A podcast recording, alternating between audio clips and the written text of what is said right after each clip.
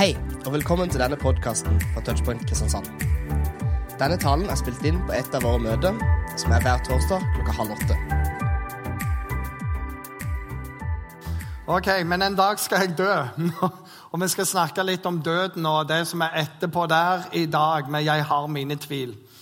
Men min, min, mine svigerforeldre har et fantastisk morsomt vennepar. De heter Bente og Reidar. Og Bente hun sier det mest utrolige til det mest utrolige tider. Og gjerne når de er på sånne kristne plasser, da slenger hun ut all seg som bare for å sjokkere alle. En dag så var de en plass sammen, og så ser de noen utstoppa dyr som var på sånn røtter og sånne ting. Så sier jo Bente til alle der ja, når jeg dør, da skal jeg bli utstoppa. Hva tenker du om det, Reidar? Og alle blir bare en sånn. Og så kommer det bare tørt ifra gubben. Ja, skal det være liggende eller stående? Det er prisforskjell på det der. Så det er hennes perspektiv. Etter døden så blir det en eh, utstoppelse på ei rot.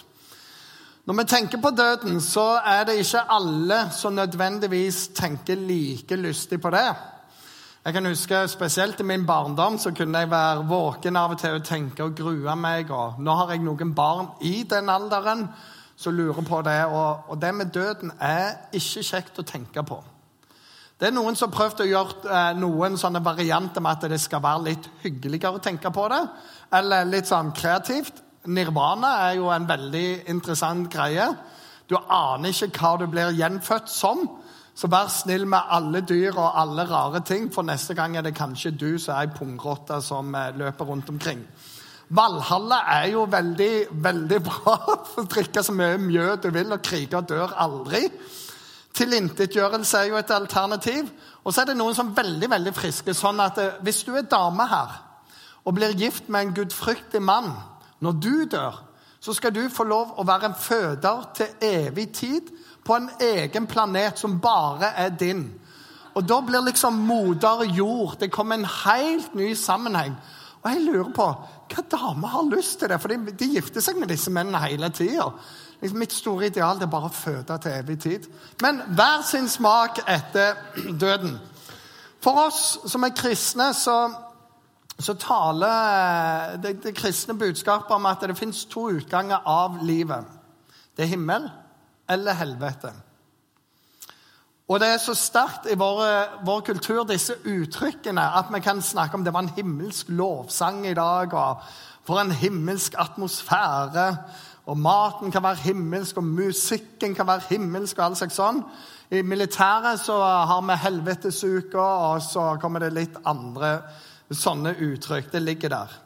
I Bibelen så leser vi mange, mange avsnitt om livet etter døden. Vi skal ta ett her nå til å begynne med. Det står i Matteus 25.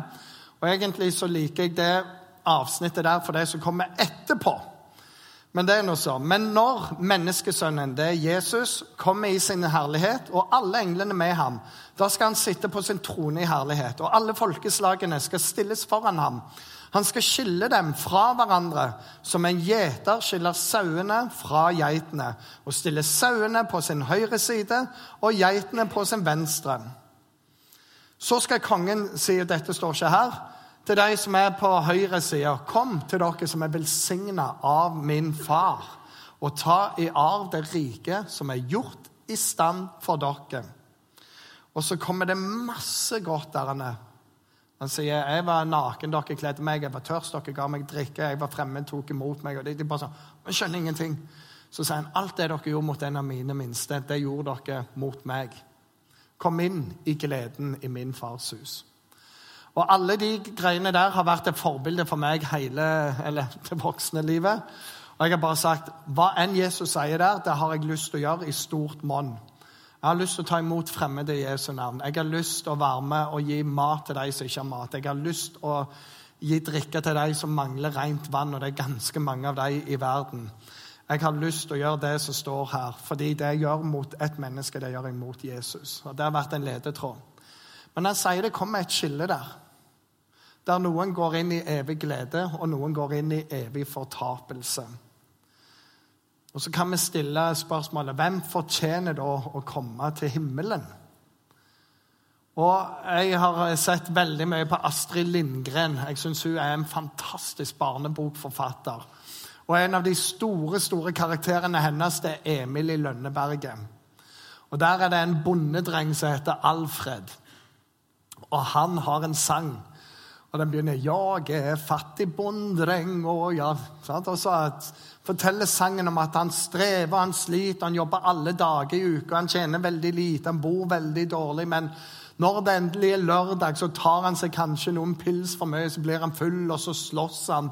Men eh, det må vår Herre skjønne, for han har det jo så stakkarslig. Og en dag når han dør, så må vel Jesus ta imot han. Veldig sånn god, folkelig selvrettferdig eh, viser det der han er munter. Men hvor går grensa? Og hvem skal sette den grensa? Hvem skal bestemme? God nok? Nei, sorry, akkurat ikke. Hvor går det? Hvem skal til himmelen, og hvorfor, som de sier på Nytt på Nytt? Og før vi eh, svare på det, så må vi beskrive hva er da himmel og hva er da helvete, sånn som vi ser det i Bibelen. Og Det første, la oss se på himmelen. Det er hvor Gud er. Hans vilje skjer 100% Den så, eh, Plassen himmelen er så god at eh, Bibelen klarer ikke å forklare hvor god han er.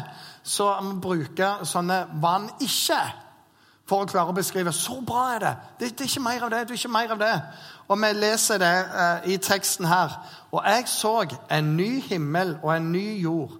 For den første himmel og den første jord var borte, og havet fantes ikke mer. Og jeg så den hellige by, det nye Jerusalem, stige ned fra himmelen, fra Gud, gjort i stand og pynta som en brud for sin brudgom. Fra tronen hørte jeg en høy røst som sa, Se, Guds bolig er hos menneskene. Han skal bo hos dem, og de skal være hans folk. Og Gud selv skal være hos dem. Han skal være deres Gud. Han skal tørke bort hver tåre fra deres øyne, og døden skal ikke være mer. Heller ikke sorg eller skrik eller smerte. For det som en gang var, det er borte. Og Det var en som hadde denne talen for eh, sånn kristne sykepleiere som var avgangsstudenter. Så sa han i himmelen der skal det ikke være noe sykdom, noe lidelse, noen som trenger pleie. Det kommer ikke til å være en eneste sykepleier i himmelen. Og så, hadde jeg i hvert fall ikke brukt for dere der. Og Det var litt sånn uheldig for han. Men det er så bra at det ikke er noe smerte, det er ingenting vondt. Helvete, hva er det, da? Det er motsatsen. Og, det og helvete er lagd av Gud. Himmelen er lagd av Gud. Men det var ment som et fengsel for djevelen og fengsel for de falne englene som støtta djevelen i hans opprør mot Gud. Gud lagde ikke helvete for noe menneske. Men de som eh, ikke ønsker å ha Gud i sitt liv, de kommer han til slutt og sier din vilje skjer, ikke min. For Guds vilje er at alle skal være med han. Og djevelen råder ikke i helvete. Han blir straffa der, og han lider der. Helvete er som jorda, sier noen, bare uten lysglimt, uten håp, uten godhet. Og så er det noen som sier ja, vi skal drikke, vi skal feste. Synden nytes ikke der. Fordi synden er avslørt, og den har ingen gevinst. Det er bare pine. Hovedproblemet med helvete er at Gud er ikke der. Det fins ikke kjærlighet, det er ikke godhet. Og det er en plass hvor folk angrer og har det vondt. Bibelen snakker mange metaforer om, hem, om helvete. Det er en plass hvor alt er mørkt. Og vi tror ikke det er mørkt, for at en annen metafor er at der er det en fortærende ild. Og Hvis du har ild i en mørk plass, så er ikke det mørkt lenger. Og så er det en plass hvor folk gråter og skjærer tenner. Og alle disse er bilder på folk har det vondt. Folk, Det er noe med de ser hva de har valgt. Og Så kan en spørre ja, men hvorfor kan de ikke få en ny sjanse da. Så sier jeg, men hvor stiller det Gud? Han har gitt hele livet, og Gud gir oss sjanse etter sjanse etter sjanse til å velge Han.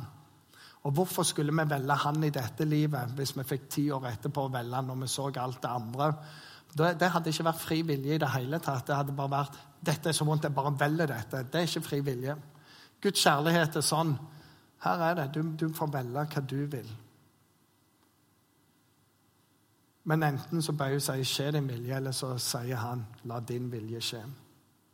Det er en teolog, Dallas heter han, så sier han et spørsmål. Hva om helvete er det beste Gud kunne lage for de som ikke vil være der han er? Det er et interessant spørsmål. Det er like interessant som alle de andre som bare er veldig negative. Hva om det var det beste? Og det gjør litt her oppe for min del. Så det store spørsmålet vi, vi har tvil i dag, det er hvordan kan en god Gud skape helvete? For tilsynelatende så harmonerer ikke de to tingene der. Og det er noen ting som henger sammen. Det ene er vi er skapt som evige vesen. Slutten på livet er ikke slutten på deg. Du er skapt for noe mer. Hvis det var sånn at vi bare levde noen år her, så døde vi, og så var vi ferdig, så må jo jeg stille spørsmålet hvorfor skal vi da bry oss om andre i det hele tatt? For det er ingenting som er over oss. Det er bare her og nå som gjelder, og vi står ikke til ansvar for noen ting. Hvorfor bry seg? Hvorfor ikke ta for seg med det du vil? Vi er skapt for noe mer. Slutten på livet er ikke slutten på deg. Og vi står opp til noe annet. Og så er det noen som spør hva med barn som dør, og hva med det og det? Det er noe med evigheten, at i evigheten så får vi en ny fasong. Og der er det ikke unger, der er det ikke gamle, der er alle voksne på en måte. Det er en annen type tilstand. Det står at vi ånder ut, og vi lever videre. Du er skapt for å leve evig. En annen ting som jeg kan si, det er ja, men Gud er kjærlig. Så sier han, det er han. 100% Gud er kjærlighet. kom en egen tale om det i desember med Hanna Træn. Men samtidig så er han rettferdig. For det er en annen ting vi ikke kan utstå som mennesker. Det er når rettferdigheten ikke oppfylles.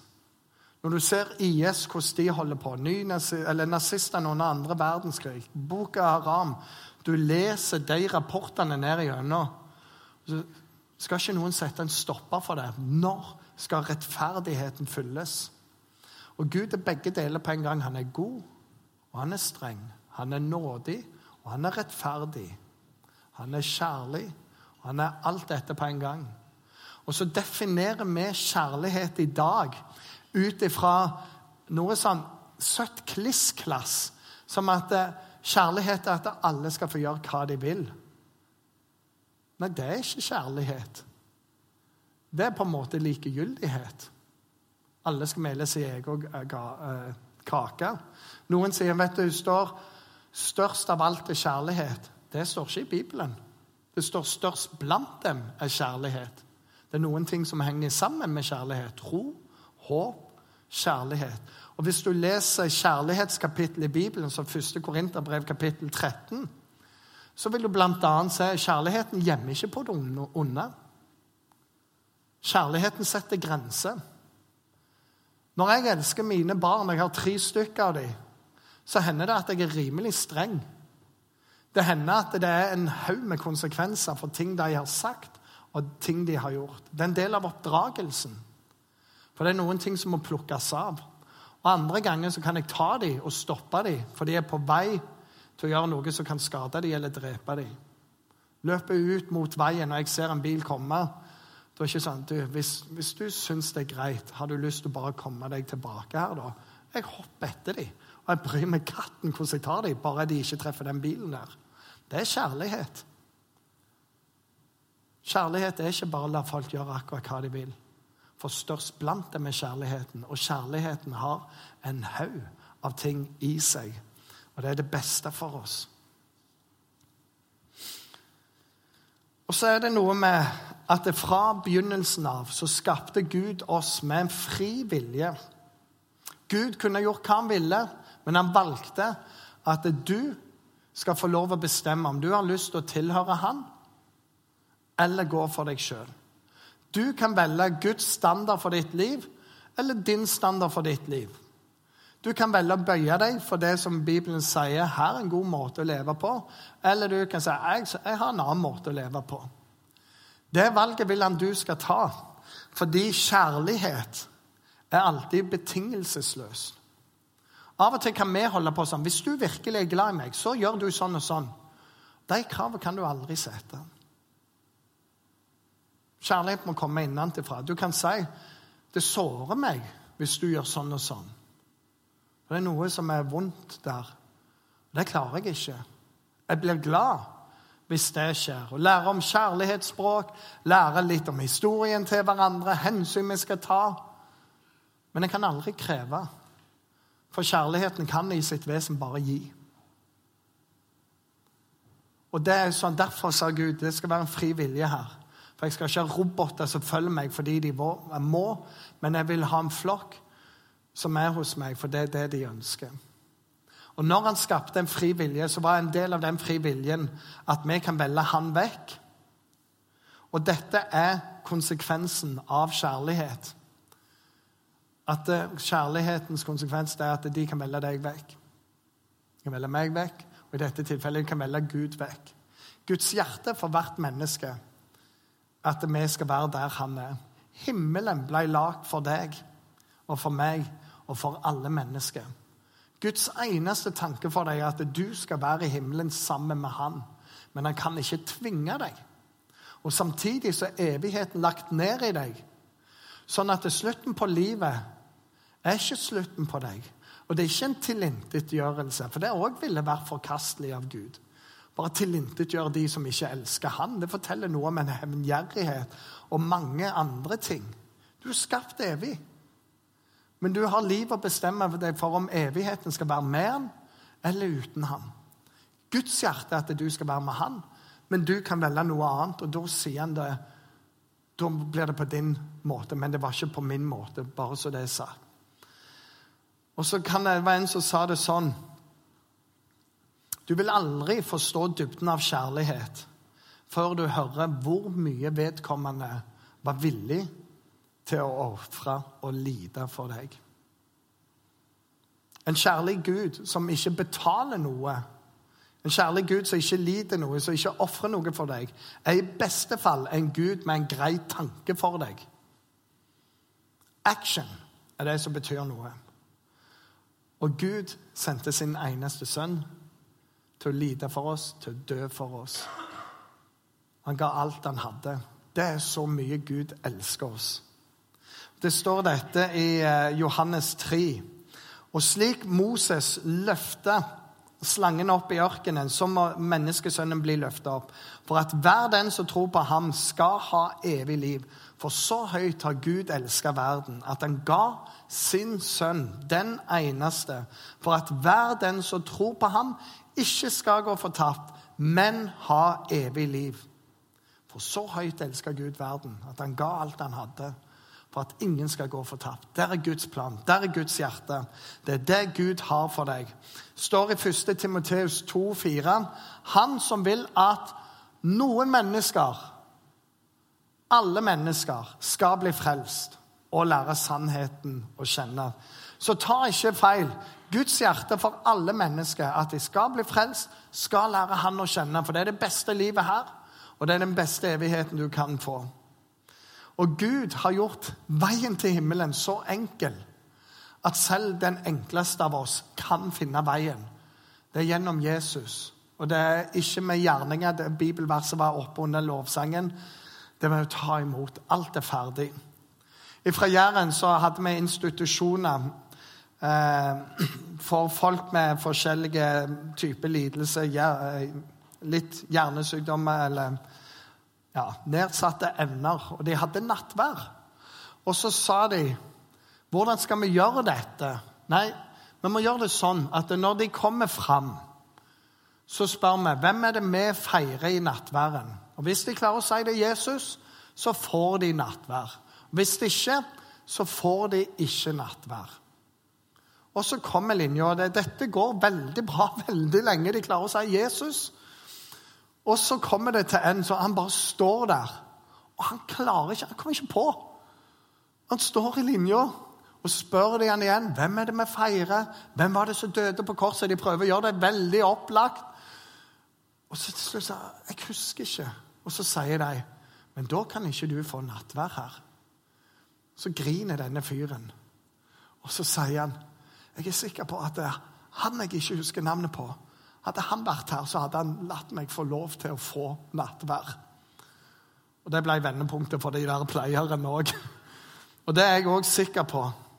For veien til Jesus er så enkel at det, det eneste vi trenger å gjøre, det er å legge ned vår egen vilje. Det er det eneste som står igjen. Så hvem kommer da til himmelen? Alle de som tok imot. Når folk skal forklare evangeliet, så sier de ofte vi er her på denne sida, Gud er over på den andre sida.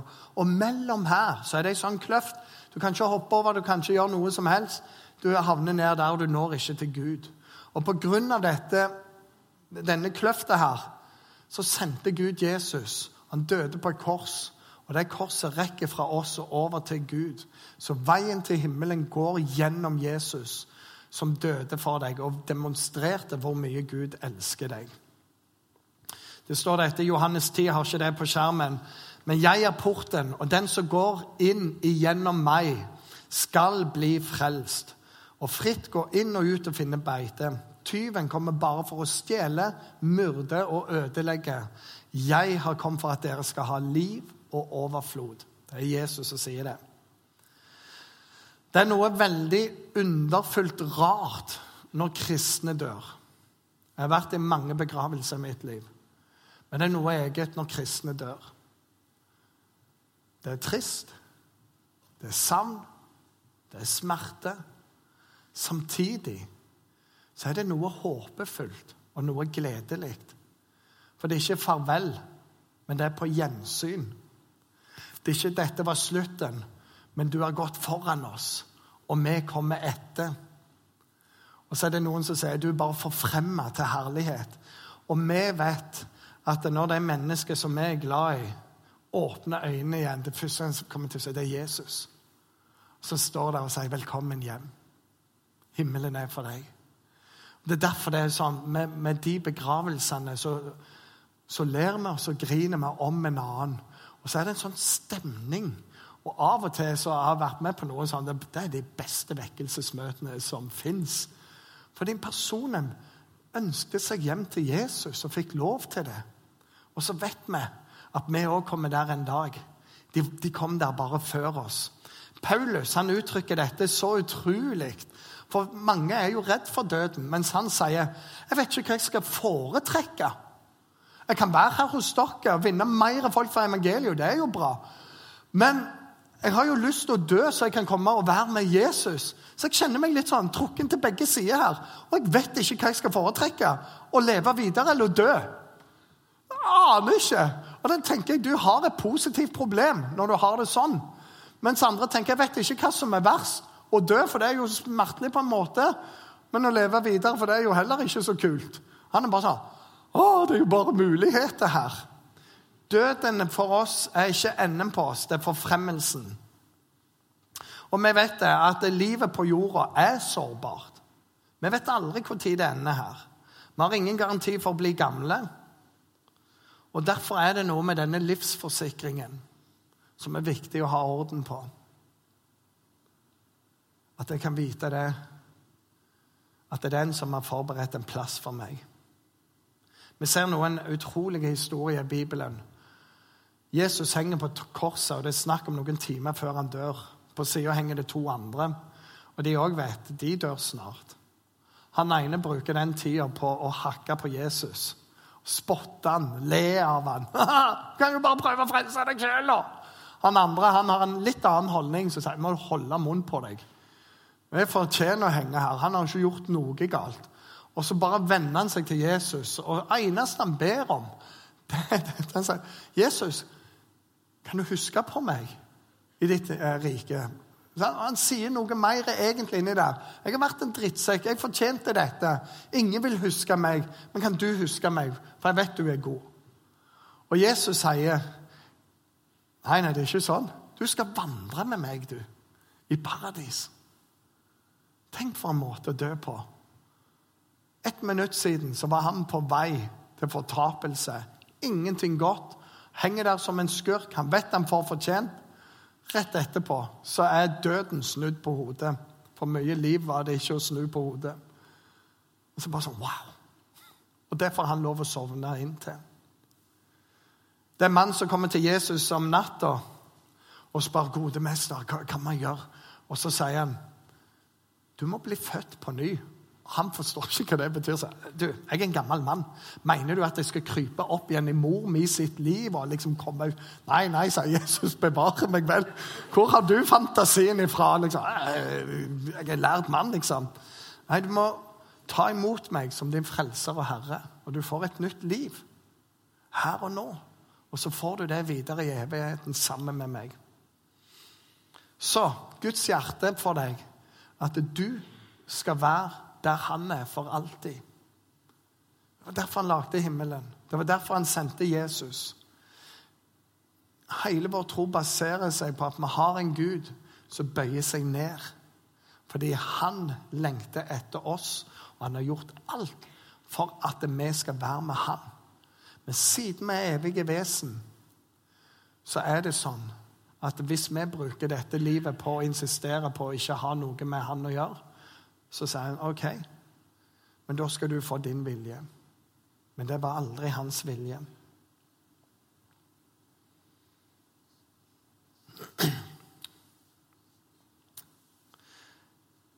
Det står det at eh, hva hjelper det om du vinner hele verden, men tar skade på din sjel? Jeg har lyst til å si det til deg hvis du ennå ikke har tatt det valget der.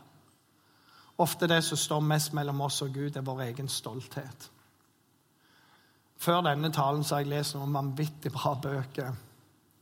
Og En av dem den heter 'Saken gjelder tro', skrevet av Lee Strobel. Jeg virkelig anbefaler den. Så har han masse sånne vanskelige spørsmål han går igjennom. Han belyser de utrolig bra. Siste kapitlet så skriver han sånn Om jeg kunne ta alle dine spørsmål, alle dine innvendinger og vise deg Guds svar på dette. Sette det på plass, sånn at du så ja, men dette er, det er jo sånn som du sier.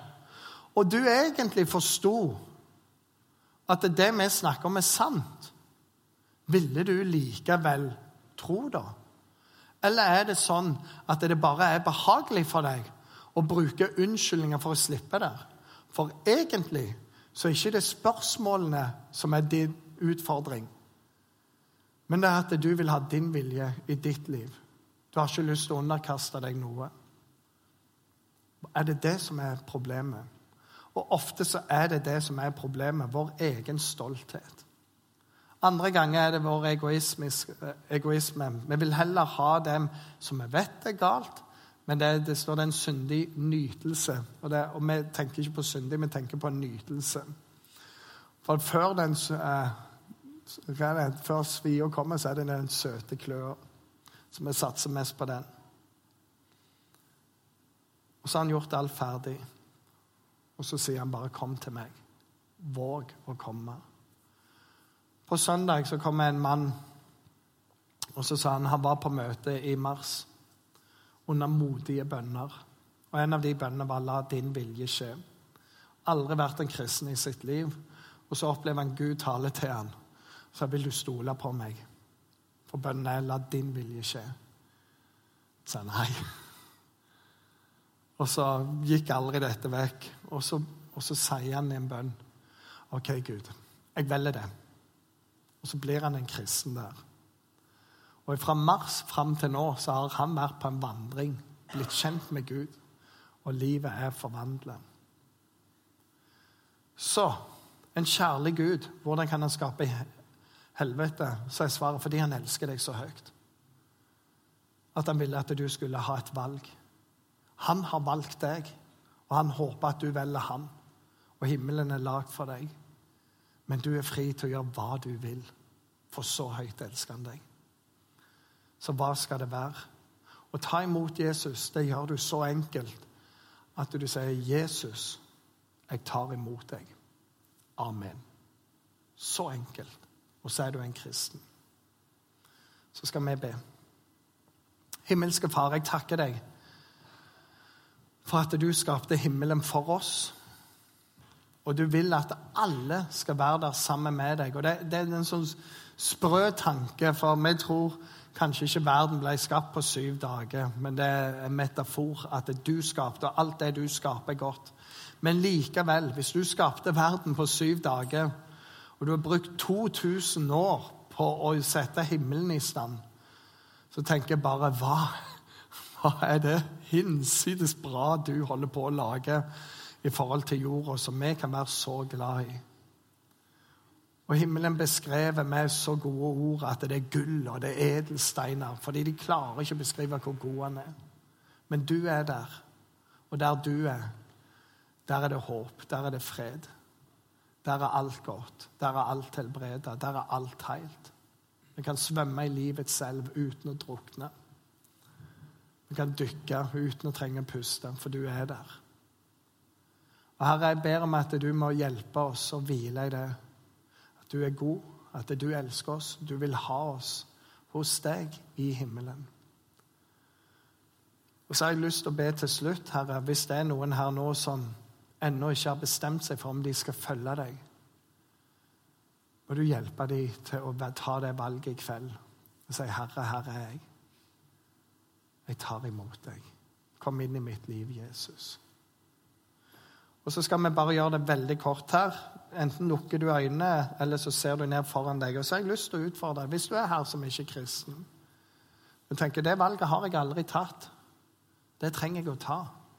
Så kan du rekke opp hånda, så, så skal jeg ta deg med en helt enkel bønn. Så blir det bare mellom meg og deg og Gud. Ingen andre. Så du tenker jeg må ta imot Jesus nå, så kan Gud velsigne deg. Du kan bare ta hånda ned igjen. Er det andre som ønsker å bli tatt med? Da sier Jesus, 'Kom inn i mitt liv'. Rekker du opp hånda, så tar jeg det med i en bønn. Himmelske Far, jeg takker deg for du ser den hånda som er oppe. Og jeg takker deg for du ser at den hånda, den sier Jesus, jeg vil at du skal være i mitt liv. Og jeg takker deg for du sier ditt ord, at ingen som kommer til deg, vil du støte bort. Du tar imot oss alle, for det er det du lengter etter. Og Jeg ber for vedkommende at du skal få vokse i livet, at jeg skal kjenne at du er der, og, og det går modnes framover. At livet med deg er mer spennende enn noe annet. I Jesu navn. Amen.